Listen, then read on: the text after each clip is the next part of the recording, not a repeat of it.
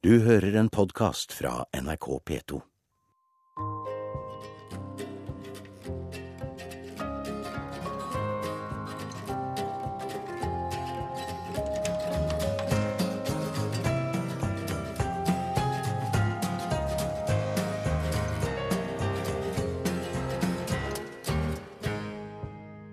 Hei, jeg heter Lindy Surum og er nødhjelpskoordinator for Leger uten grenser.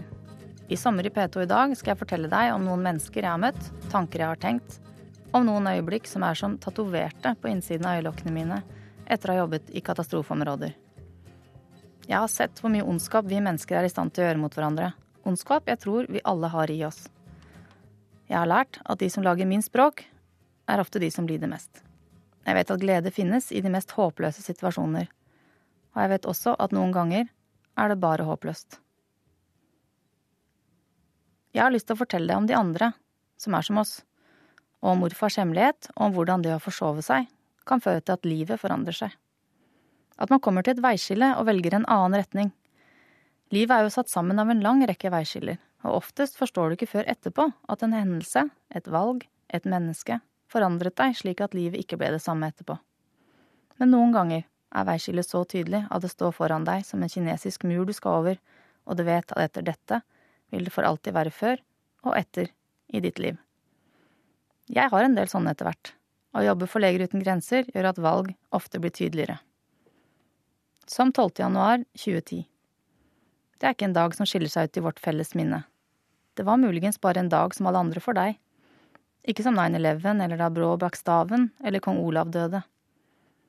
Jeg husker 12. januar 2010 og dagene som fulgte, som om det var for et øyeblikk siden.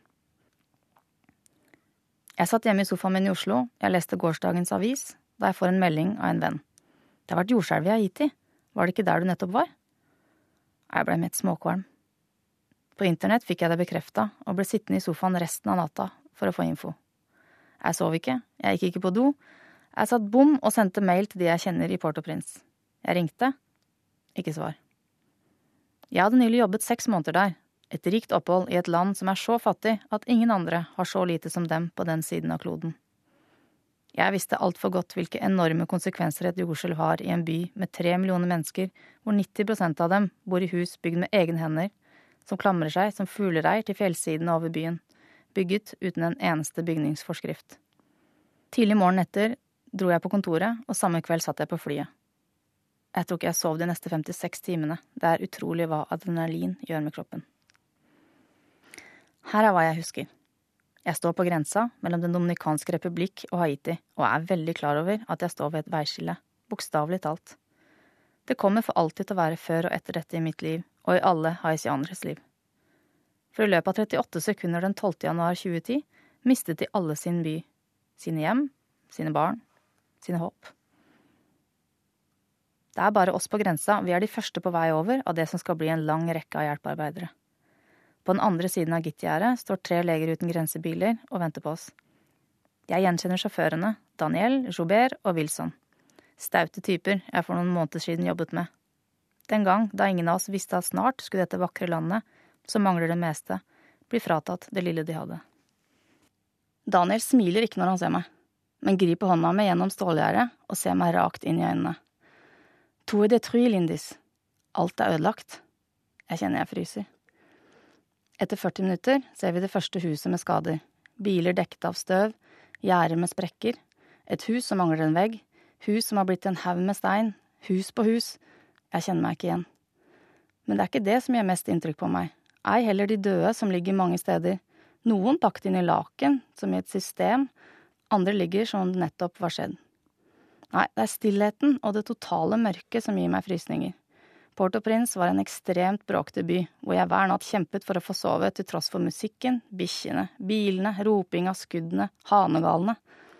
Jeg hadde trodd det skulle være enda mer kaotisk nå, men isteden er det stille, stille natt, kun brutt av noen som skriker nå og da, i redsel, smerte, begge deler.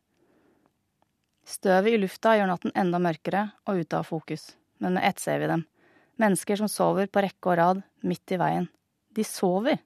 I veien! De er lengst unna hus som fortsatt ikke er i grus, og som de er redde skal rase over dem igjen ved neste etterskjelv. Selv når det verste har skjedd, må du sove. Vi skal leve, synger Wycliffe Jean på kreolsk. Sangen ble ufrivillig høyaktuell i hans barndoms City Soleil når jordskjelvet ramma. Wyclef og 300 000 andre har Haitis største slum som sitt barndomshjem. Et barndom i absolutt fattigdom. Det er som om Bergen skulle vært uten strøm, helsevesen, skoler, arbeid. Hele Bergen boende i hus bygd av leire og blikk. Hele Bergen fylt av våpen og håpløshet. Men navnet har de, Ingen kan ta fra dem stoltheten av å bo og overleve i solens by. Det var her jeg jobbet i ukene etter jordskjelvet. Allerede 24 timer etter katastrofen gjør vi de første operasjonene her. Min jobb er å lage system i kaoset, gjøre det til en effektiv arbeidsplass. Jeg jobber sammen med Stefan, som var min nærmeste kollega sist jeg var her. Jeg vet at sønnen hennes heldigvis overlevde og er trygg, så hun står på døgnet rundt sammen med meg, like energisk og positiv som alltid. Jeg slutter aldri å bli imponert over hvordan de som selv er ofre, jobber på spreng, med overskudd til å spre smil og oppmuntre oss andre. Når ikke hun gir opp, ja, da kan i hvert fall ikke jeg. Stefan er min helt. Det er skadde overalt, og flere vil inn. Det er ikke mulig å gå fra porten til hovedbygningen uten å tråkke på noen. Det er et kaos av lyder, lukter og skadde, døde, pårørende og febrilsk arbeidende leger og sykepleiere. Det er pasienter med lemmer som dør foran øynene på meg, Store, kompliserte bruddskader blir fort infisert i denne varmen og i støvet som vrivles opp ved hvert etterskjelv, og for mange er amputasjon eneste måte å redde livet på. Vi har to operasjonssaler gående 24 timer i døgnet nå. Legene jobber på spreng for å redde så mange som mulig. Vi gjør opp mot 15 operasjoner per skift. Ei jente har bandasje der høyre arm og venstre fot var. Det var ingen annen utvei. Vi er ikke nok. De er for mange, vi setter alle som er i stand til det å jobbe, men vi er fortsatt ikke nok, de blir bare flere. Dette er ingen vits, det er håpløst, det er som om jeg løper etter et tog jeg aldri vil nå igjen. Når jeg tenker på det nå, var det som om jeg var under vann. Du vet hvordan alle lyder blir dunkle, litt fjerne? Jeg holdt pusten og jobba på. Innimellom stakk jeg hodet over skorpa og ble truffet som en knyttneve av 40 varmegrader, støv i lufta etterskjelvende, tunge drønn fra amerikanske militærfly og skadde som drar meg i armen, skriker om hjelp. Jeg står og ser på uten å kunne røre meg, helt til noen rister meg og sier ikke tenk på alle de andre, vi er her nå, her kan vi gjøre en forskjell, ta én pasient om gangen. Og det kan vi greie. Så gjør vi nettopp det, for vi er her, sammen med de fattigste av de fattige, og det betyr noe, det gir noen håp, en av gangen. Jeg dukker under overflaten igjen. Innen neste morgen har vi organisert oss litt bedre. Teltet har kommet opp, flere har kommet til for å jobbe. Vi har reddet noen liv, tapt flere. Det er et slags system. Vi går to skritt fram og ett tilbake, men vi er på vei. Patrick, en lege jeg kjenner fra sist jeg jobbet der, sier plutselig bilen på vei fra sykehuset. Vil du se bilde av søsteren min? Hun døde under skjelvet. Hun var bare 24 år og studerte økonomi. Hun lå klemt under en bil som lå under et hus. Hun lå der i seks timer før hun sluttet å gråte og be meg om hjelp. Jeg prøvde å finne hjelp, men jeg greide det ikke. Hun skrek av smerte helt til hun bare gråt stille. Jeg holdt henne i hånda. Hun ligger der ennå. Hun har rød genser på. Hver dag i en uke har jeg gått tilbake for å prøve å fri henne fra tyngden, men når jeg drar i henne, føles det som jeg skal rive henne i to, og jeg vil hun skal være hel. Jeg, er lege og greide ikke hjelpe henne.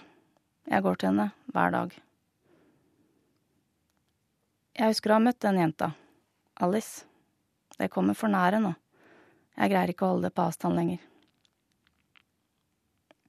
Det er flere hundre tusen som ikke har noe sted å bo, og som søker mot enhver åpen plass som føles trygg.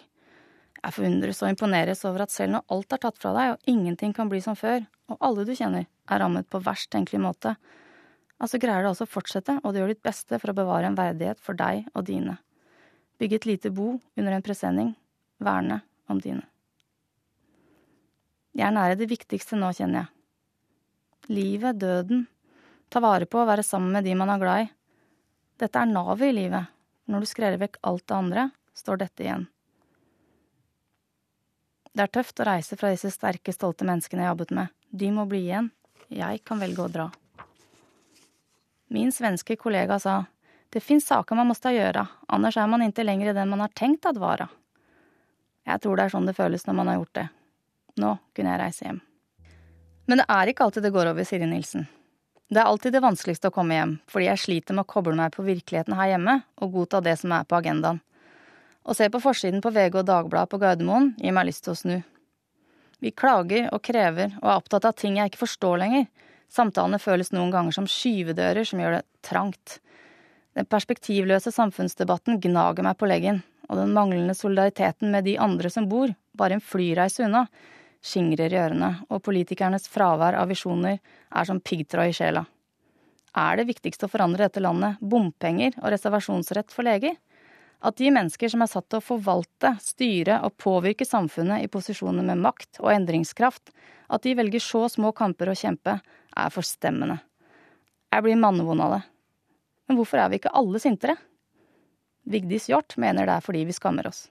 Og skam er den mest fortærende følelsen vi kan ha, sier hun. Derfor holder vi det ikke ut og føder skammens tvilling, hovmodet. Og hovmodet sier dette er mitt, dette har jeg fortjent, og jeg vil ikke dele. Men vi har ikke fortjent noe som helst, vi har bare flaks som er født på rett side av grensa, her hvor gresset er irrgrønt. Jeg har lært meg noen triks med åra for å takle hjemkomsten, så verst var det da jeg kom hjem etter mine første tolv måneder i felt i 2007. Jeg kjente meg fremmed og forsto ikke helt kodene. Jeg visste ikke hva hun som sang om en umbrella het, og jeg var helt sikkert den eneste TV-produsenten i verden som ikke visste hva YouTube var. For før jeg ombestemte meg i livet og dro på min første oppdrag til Elfenbenskysten, var jeg TV-produsent. Jeg lagde Vil du bli millionær, Amandaprisen, Gullruten, store liveshow med blinkende lys, tolv kamera og kjendiseri. Jeg elsket det, lenge. Helt til jeg kom til det som skulle bli et veiskille. Fadderorganisasjonen Plan var så spinnville at de gikk med på vår idé om å sende den tradisjonelle TV 2-gallaen fra Senegal, fra en liten landsby hvor de ikke hadde strøm, og hvor de færreste visste hva TV var.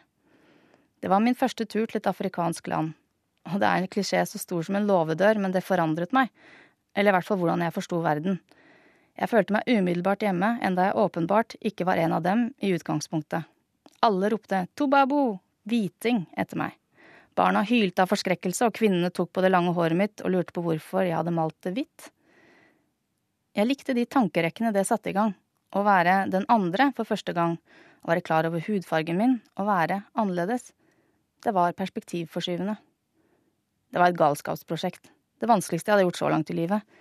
Men mens de fleste andre i teamet vi hadde flydd ned, ønsket seg hjem til ordna forhold i Nydalen studio, elsket jeg kaoset og varmen, lyset, det uforutsigbare og folka som var så solide i sin enkelhet, som tok imot oss uten forstillelse, til tross for at vi var fremmede. I tillegg var det første gang jeg lagde et TV-program som hadde litt større verdi enn bare å få seeren til å le eller en kjendis til å skinne. Etter sju år i bransjen føltes det med ett så tomt. Jeg prøvde å ignorere den tanken en stund. Jeg hadde jo drømmejobben. Alle ville bli noe med media på den tida. Så da var jeg vel noen.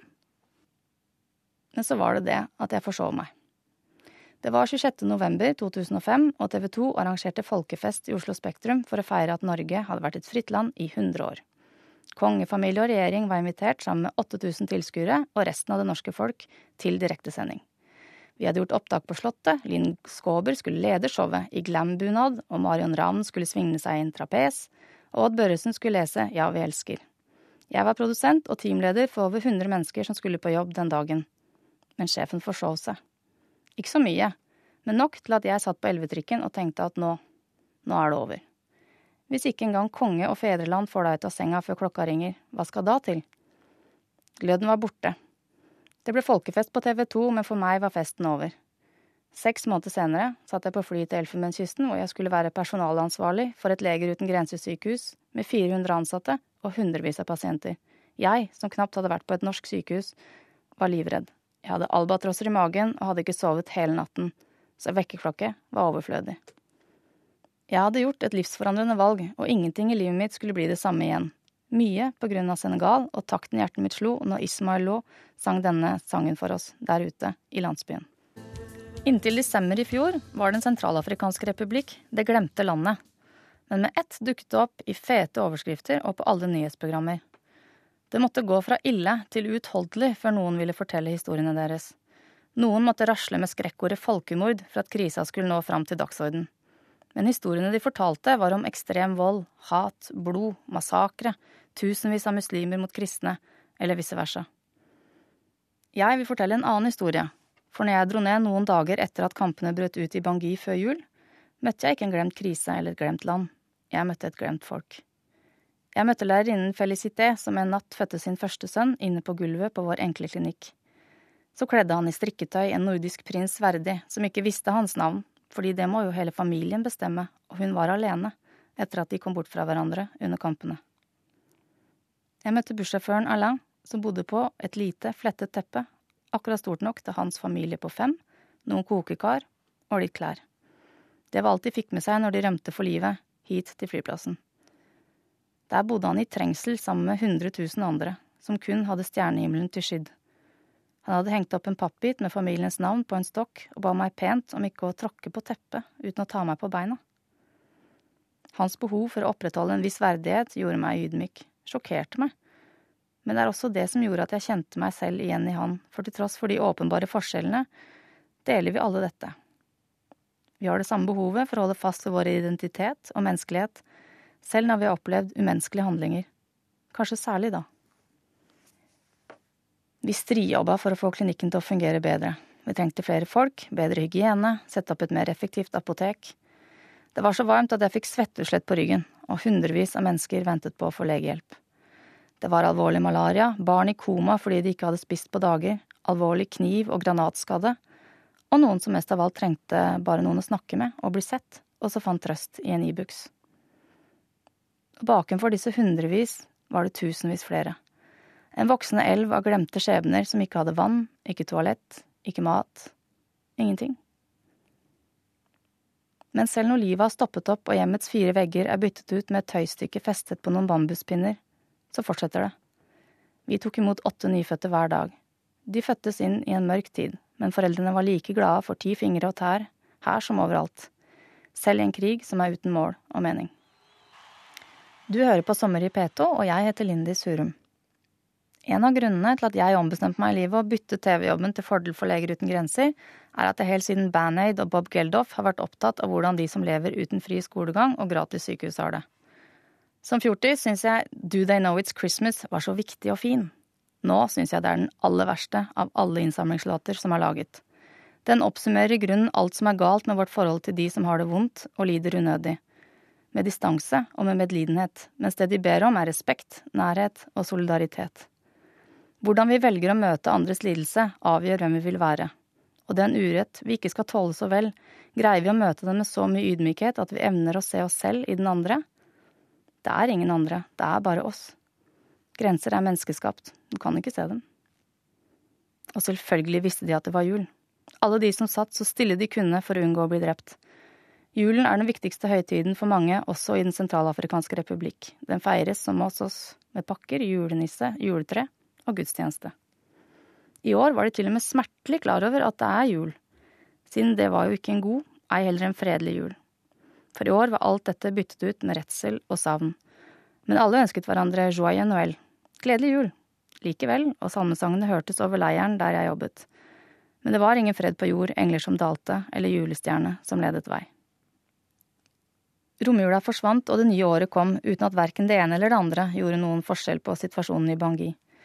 Vi ønsket hverandre godt nytt, men det var med sterk bismak, fordi årets første dag ble den siste for to barn som bodde i leiren. De ble skutt og døde i vår klinikk kort tid etter. Ei babyjente på seks måneder, allerede med øredobber glinsende i de perfekte ørene, og en kule i hjertet. En gutt på elleve med en Nike-T-skjorte, Just Do It, og en pappa som lot sitt blinde raseri over ugjerningene gå utover oss. Barna flykta for en måned siden sammen med foreldrene sine til denne leiren for å være trygge for kampene i byen. De bor rett på bakken, men barn er barn, og disse to lekte sikkert med biler laget av skrot samme dag som de ble drept. Barn på flukt i sin egen by, hvorfor var det ingen som beskytta dem? Fortvilelsen vokste i samme fart som leiren, som et virus som spredde seg, jeg brukte mange timer hver dag på å snakke med dem som bodde der, for bedre å forstå. Noen forteller meg de er syke, andre forteller meg de er sultne. Alle forteller meg de er redde. De forteller om hvor de bodde før, om hva de jobba med, om hvilke planer de hadde. De takker meg for at jeg stopper opp og spør. En dag fikk jeg øye på en ung mor med sine tvillinger midt i folkemengden. De var begge underernærte, den ene mer enn den andre. Moren heter Ida og forteller meg de er åtte måneder gamle at hun er alene med dem etter at pappaen forsvant. Kanskje er han død. Det var umulig å forstå at disse to kunne være åtte måneder. De var så skjøre, så små, så syke. Jeg spurte hvorfor hun ikke hadde kommet til klinikken vår, og hun sa det var for lang kø. Hjertet mitt ble blytungt. Hun har rett. De er for mange, og vi er for få. Jeg sier at barna hennes er veldig syke, og at det er viktig de blir med meg til klinikken med en gang.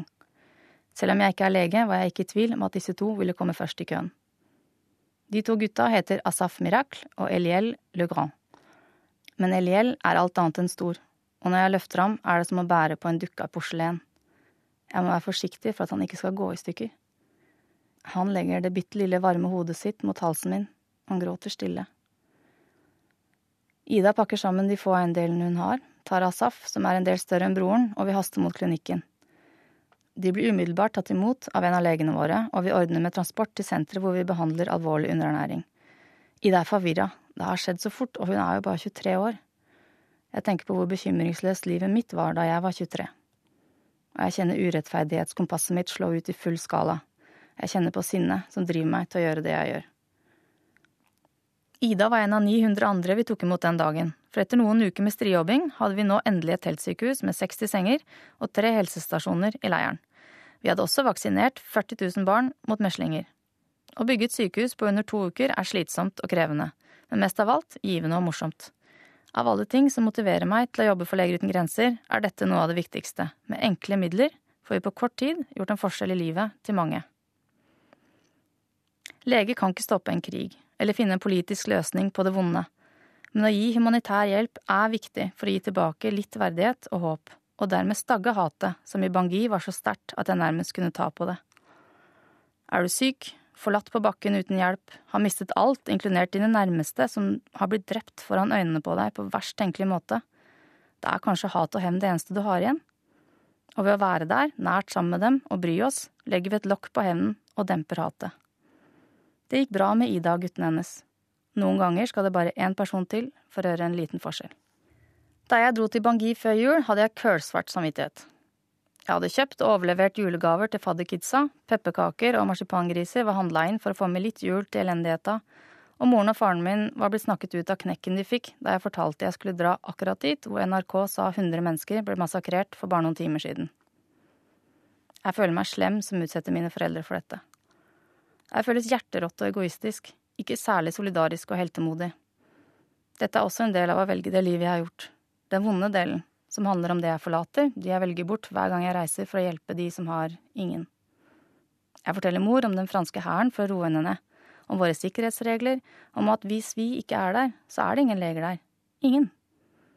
Moren min syns ikke det er noe beroligende med at jeg frivillig drar til et sted hvor hæren har tatt over flyplassen.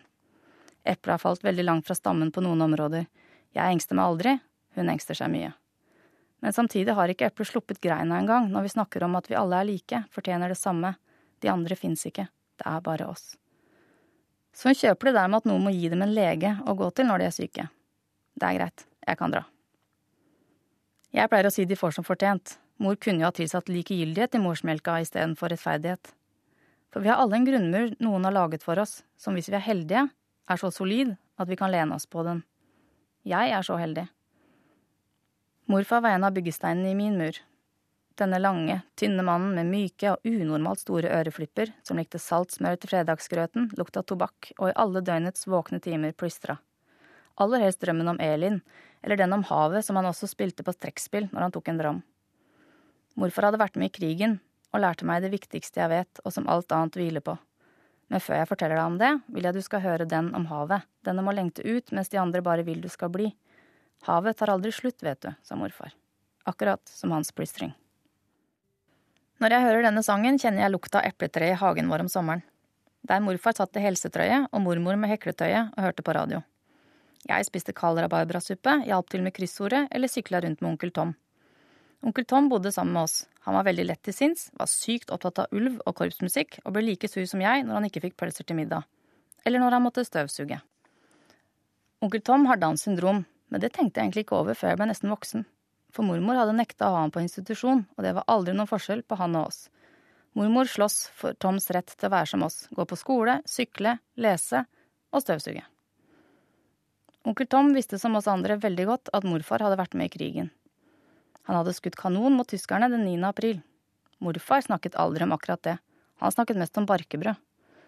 Men en dag, da jeg kanskje var sju år, ville han vise meg noe. Han tok med meg inn på soverommet og dro ut nederste skuff i kommoden. Under alle helsetrøyene lå en liten eske, og inni esken var det til min store glede en medalje. Lite er mer kult enn en skinnende medalje når man er syv. Morfar fortalte at han hadde fått den på grunn av det med kanonen. At han hadde skutt på en båt som sank, som gjorde at kongen kunne flykte fra Norge før tyskerne okkuperte landet. Jeg var utrolig imponert, og veldig stolt av at han viste meg dette, som tydelig var en stor hemmelighet. Men jeg kunne ikke fatte hvorfor han ikke gikk med den, hver dag. Det var jo noe av det fineste jeg hadde sett, og jeg skjønte at morfar var en helt. At han kunne bære en medalje på helsetrøya hver dag om han ville. Men han ville ikke. Jeg syns ikke man skal få medalje for å drepe noen, sa han. Jeg husker skrikene til de tyske soldatene da de kastet seg i det kalde vannet for å prøve å redde livet. De var unge gutter som meg. Det kunne like godt vært meg. Disse ordene går som ekko gjennom mitt liv siden den gang. For det er ingen de andre. Det er bare oss. Takk for at du hørte på Sommer i P2. Jeg heter Lindis Hurum. Du har hørt en podkast fra NRK P2.